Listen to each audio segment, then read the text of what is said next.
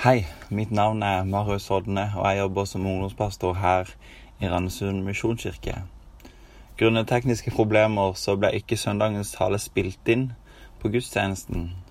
Men siden vi vet at det er så mange som lytter til podkasten og bruker den i sine smågrupper, så har vi likevel valgt å spille inn talen nå i etterkant. Talen ble derfor ikke spilt inn under en gudstjeneste, men forsamling til stede, og opptaket blir derfor noe annerledes. Men vi tror likevel et budskap her at det er viktig å få ut, så det kan brukes i små grupper, og så det er noe å lytte til. Vi er inne i en taleserie vi har kalt Fjellstøtt, hvor vi tar en nærmere titt på den mest kjente talen som Jesus har, nemlig bergprekenen. De siste fire søndagene har vi vært med Jesus og disiplene på fjelltur. Og som hovedpastor Jarle innleder taleserien med, så er det noe fascinerende med det å gå opp på et fjell. Når man når toppen av fjellet, er det som at man ser noe nytt. Man får en ny sykt, et nytt perspektiv. Du ser hvor du har vært hen, og så ser du også hvor du skal. Du får et helt annet perspektiv enn du har nede i dalen eller i bakken på vei opp. Og hvis du har gått deg vill, så kan du nettopp på toppen av et fjell kanskje finne det du trenger for å orientere deg på nytt. Våre pastorer Jarle og Erling har tatt for seg ulike deler av undervisninga Jesus hadde for sine disipler, og stikkordet er annerledes. Vi prater om en annerledes holdning, en annerledes trygghet. Og Teksten vi ser på i dag, er på mange måter Jesus sin konklusjon, hans oppsummering og avslutning av bergprekenen. Og temaet er annerledes, et annerledes fundament. Den engelske forkynneren og teologen John Stott argumenterer for at bergpreken er en av de mest kjente av Jesus sine taler. Samtidig, sier han, er det kanskje den som er minst adlydt. Og John Stott sine ord henger tett sammen med det vi skal se på i dag, nemlig å adlyde. Jesus han skal oppsummere og konkludere sin viktige undervisning til disiplene sine og utfordre til lydighet. Til å lytte til Jesu vilje og ikke vår egen. Til å være åpen for hans måte, ikke vår. Til å ta imot fra han og ikke nødvendigvis bare fikse sjøl. Til å bygge på hans nåde og ikke imponere og gjøre oss fortjent med vår egen prestasjon. Teksten vi skal lese i dag, står i Matteus 7, vers 24-29, og vi leser Vær den som hører disse mine ord, og gjør det de sier, ligner en klok mann som bygde huset sitt på fjell. Regnet styrtet og elvene flommet og vinden blåste og slo mot huset, men det falt ikke, for det var bygd på fjell. Og vær den som hører disse mine ord og ikke gjør det de sier, ligner en uforstandig mann som bygde huset sitt på sand. Regnet styrtet, elvene flommet og vinden slo mot huset. Da falt det, og fallet var stort. Da Jesus hadde fullført denne talen, var folket slått av undring over hans lære, for han lærte dem med myndighet, ikke som deres skriftlærde. Disse versene er kjente vers om å bygge på fjell. Og det er masse man kunne sagt om disse versene, men vi skal fokusere på tre ting i dag. Tre ting som vi tror at Jesus sier noe om. Og det første er dette. Når troen beveger tanken, men ikke livet. Jeg sier det en gang til. Når troen beveger tanken, men ikke livet. Det høres kanskje rart ut, og kanskje litt hardt ut, at jeg sier at noen ganger kan troen bevege tanken uten at det nødvendigvis preger livet. Men jeg tror det er noe av dette Jesus sier noe om. Han sier nettopp at hver den som hører disse mine ord og gjør det de sier, det er han som bygger huset på fjell. Motsetninga blir den andre mannen som hører disse mine ord og ikke gjør det de sier. Han bygger på sand. Han som hører og gjør, er forstandig, mens han som ikke gjør, er uforstandig. Jesus sier altså om viktigheten om å høre og gjøre. Jeg tror faktisk det er mulig at noen ganger kan troen bevege tanken uten at han beveger livet. Tar man Jesus sjøl som eksempel, så fins det mange som har mange gode ord å si om Jesus. Det fins mange som syns Jesus var en god lærer. Han var en stor etiker. og Man ser og hører ordene hans og beundrer talen, men det betyr ikke at det får noen innvirkning på livet, for den saks skyld. Det finnes også de som tror på Jesus, som går i menighet, som hører om podkast i ny og ne, og kanskje til og med leser litt i Bibelen. Men det de hører, og det de leser, beveger ikke livet deres på noen måte. I Randesund misjonskirke sier vi at vi ønsker å hjelpe mennesker til å tro på Jesus og et liv med Han. Og dette med å hjelpe mennesker til å tro er utrolig viktig for oss. Det er derfor vi ønsker å være relevante i uttrykk og f.eks. musikk. Vi ønsker å ha gudstjenester og forkynnelse som gjør det mulig for folk å like og forstå, selv om man kanskje ikke tror så mye fra før. Og Det er en glede for oss å kunne fortelle at allerede i høst har det vært ca. 15 ungdommer og studenter som har sagt ja til Jesus både på Loftet og på Touchpoint. Det er fantastisk, og vi feirer det. Og vi ønsker å hjelpe mennesker til tro. Samtidig så er den neste delen like viktig. Et liv med Han. Vi ønsker å hjelpe mennesker til et liv med Han. Og vi ønsker å fortelle om det. Vi ønsker å fortelle om at det fins et liv her. Det fins et liv med Jesus, et liv man kan vokse inn i. Og vi tror at et liv med Jesus er bedre enn et liv uten med Han. Og vi ønsker ikke at det bare skal bevege tanken, men hele livet. For det er noe her. Det fins et liv. Og det er noe av det som gjør det så spennende med å leve i en relasjon til Jesus, for det fins alltid noe mer. Det er mer å oppdage. Vi kan få lære mer og mer å kjenne høyden og dybden og lengden og bredden av hans kjærlighet. Jeg kan få tro på en Gud som leder meg, som former meg, som har en hensikt for meg, og som ønsker å la meg få del i et liv med han. Det er noe mer her. Og det er viktig at vi forteller om det. At det er noe mer akkurat dette som gjør det fantastisk å jobbe som ungdomspastor. Nettopp at jeg er i samtale stadig med ungdommer som ønsker noe mer.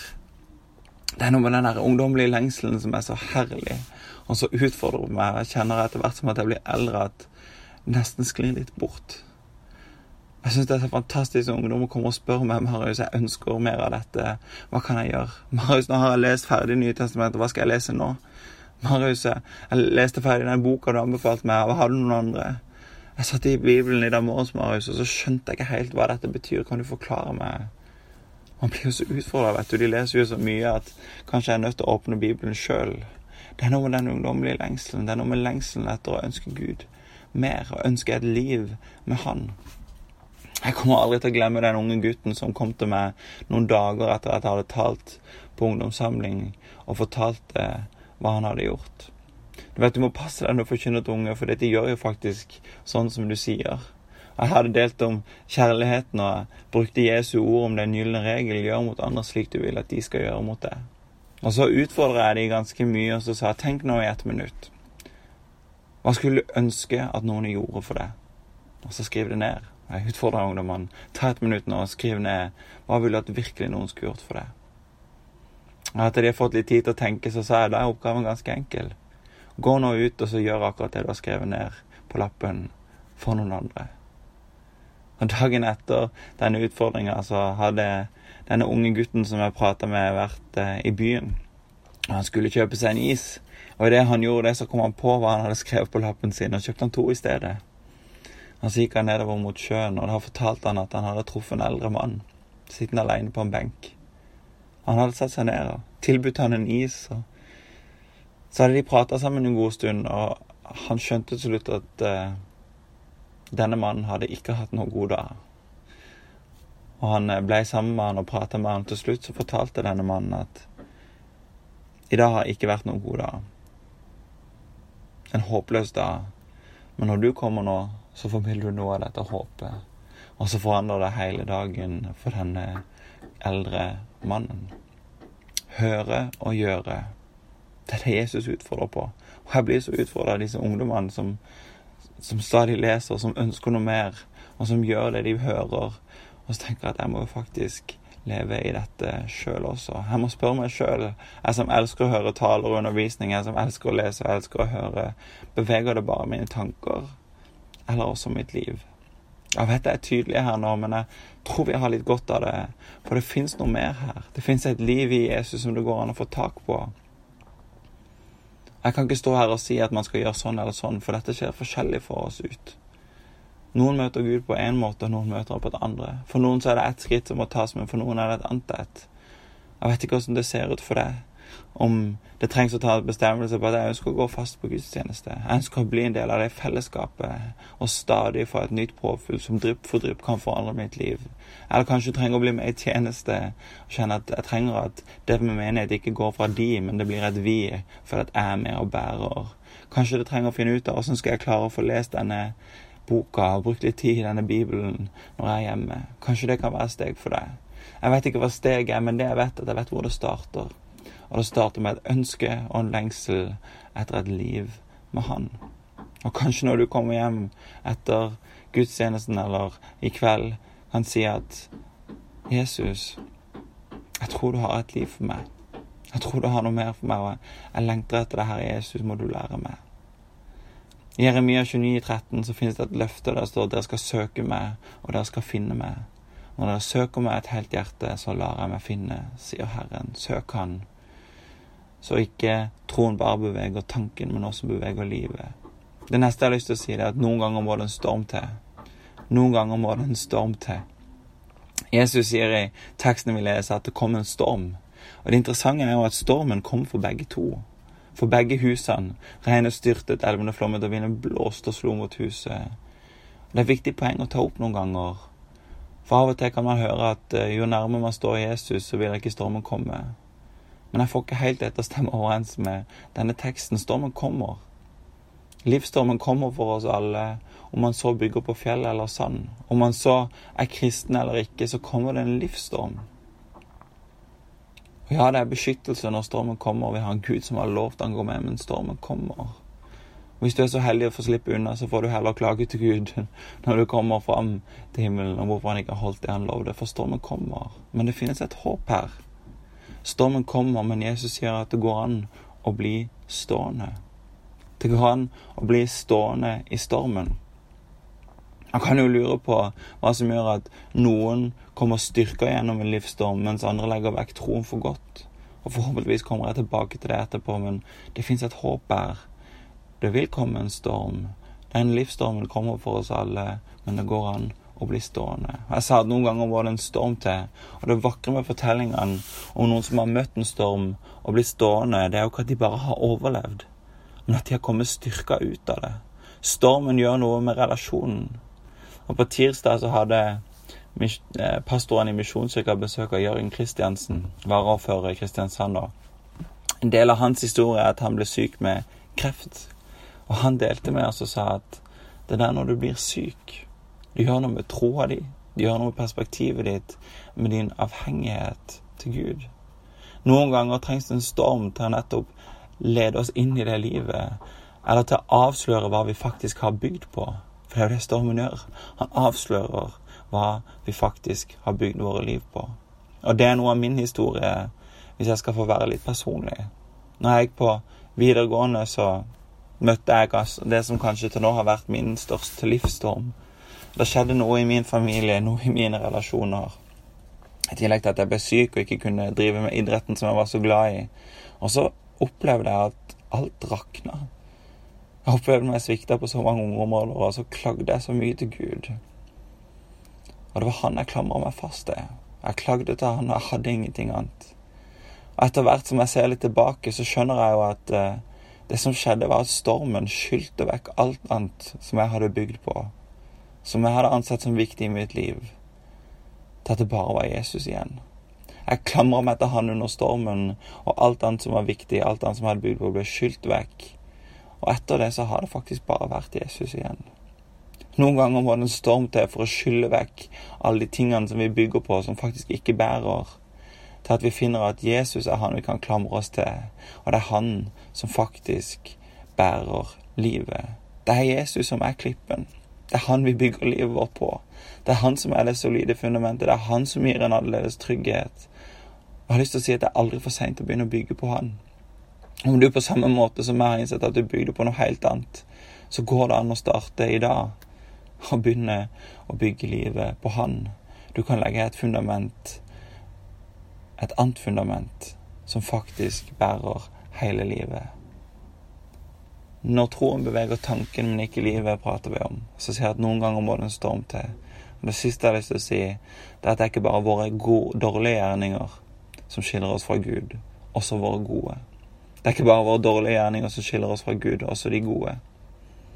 Jesus er klippen. Det er han vi skal bygge på. Men hvordan ser det ut, da? Hvordan ser det ut at vi bygger på han? At vi bygger vårt hus på han. Hvordan ser det ut? Hvis vi går litt tilbake og minner oss på teksten vi leser, så står det jo at det er to menn som bygde et hus. Mennene har helt samme utgangspunkt, de har samme ønske, de ønsker å bygge et hus, og de klarer det. De bygger begge to, men forskjellen er jo hvordan de gjorde det. Jeg ser for meg at den ene gjør litt bedre research enn den andre. Jeg ser for meg at den første som til slutt bygger på fjellet, jeg ser for meg at han spør litt rundt om hvordan skal jeg bygge dette huset, og han hører det er lurt å bygge en skikkelig grunnmur. Er grunnmuren feil, så blir alt annet feil, og han, han begynner der. Han får grunnmuren på plass. Den andre velger en litt annen vei, og det kan virke som han har litt dårligere tid. Huset skal opp, og det skal opp fort. Jeg har ikke råd til å lytte til noen andre. Aller helst ønsker jeg skal, huset skal opp så fort som mulig. Detaljene er ikke så nøye så lenge det blir stort og flott, og det kommer opp raskt. Et hus som folk kan se til, hvor vellykka det er, og hvor kjapt det kommer opp. Og hva er poenget? Jo, jeg tror at noen ganger så har vi lett for å bygge våre kristne liv på samme måte som han siste her. Jeg tenker at jeg skal bygge det sjøl. Jeg skal fikse det sjøl.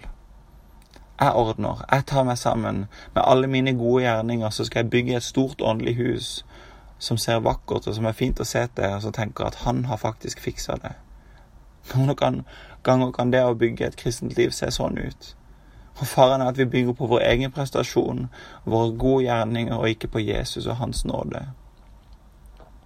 Teologen og forkynneren Timothy Keller sier det på denne måten. Det er to måter å være sin egen herre og frelser i livet på. Den ene var å være veldig dårlig, og den andre var å være veldig god. Jeg sier det igjen, det er to måter å være sin egen herre og frelser på i livet. Den ene var veldig dårlig, og den andre var veldig god. Og hva mener jeg med dette? Jo, du skjønner at når vi bygger vårt hus, vi bygger det med våre prestasjoner, med det vi får til, våre gode kristne gjerninger, våre gode handlinger, så fikser vi det sjøl. Og så er det nesten som i vårt ønske om å fikse det sjøl, med å få til livet, med å klare det, så slipper vi ikke Gud inn. Han får ikke lov til å komme til. Vi bygger hus i egen kraft. Og så er det nesten så vi gjør oss fortjent til det sjøl. Vi blir vår egen herre og frelser. Historien som forklarer dette utrolig godt, er historien om den bortkomne sønnen. Hvor det fins en far og to sønner.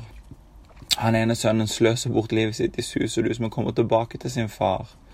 Og faren steller en fest for han. Eldstebroren har vært hjemme og tjent far hele livet, og han reagerer kraftig på det han ser. Og så sier han til sin far, som arrangerer fest for sønnen som har kommet hjem, Her har jeg tjent deg i alle år, sier han. Men du har aldri stelt i sand en sånn fest for meg. Festen er jo i Bibelen ofte et symbol for frelsen. Og hva er det egentlig den eldste broren uttrykker? Jo, han sier, 'Jeg har gjort meg fortjent til festen'. Jeg har gjort meg fortjent til det. Jeg har, har tjent deg i alle år, Herre. Og det kan virke som han sier Jeg har jo bygd dette huset. Jeg har jo, jeg jo fiksa livet. Jeg har jo gjort alle disse kristne greiene. Jeg har jo gjort alle de tingene som skal til. Og så kan det nesten virke som han mener at Gud skylder noe. At han på en eller annen måte har fått noe makt over Gud, og så sier Gud, du skylder meg dette. Fordi at jeg har gjort disse tingene, så skylder du meg dette. Timothy Keller han sier videre at Ofte så kan vi forsøke å komme til et Gud med, med et rent rulleblad, sånn at han kan tjene oss. Men egentlig er det Gud som har gitt oss et rent rulleblad, så vi kan tjene Han. Jeg skal si det en gang til. Vi kan noen ganger forsøke å komme til Gud med et rent rulleblad, sånn at Han kan tjene oss.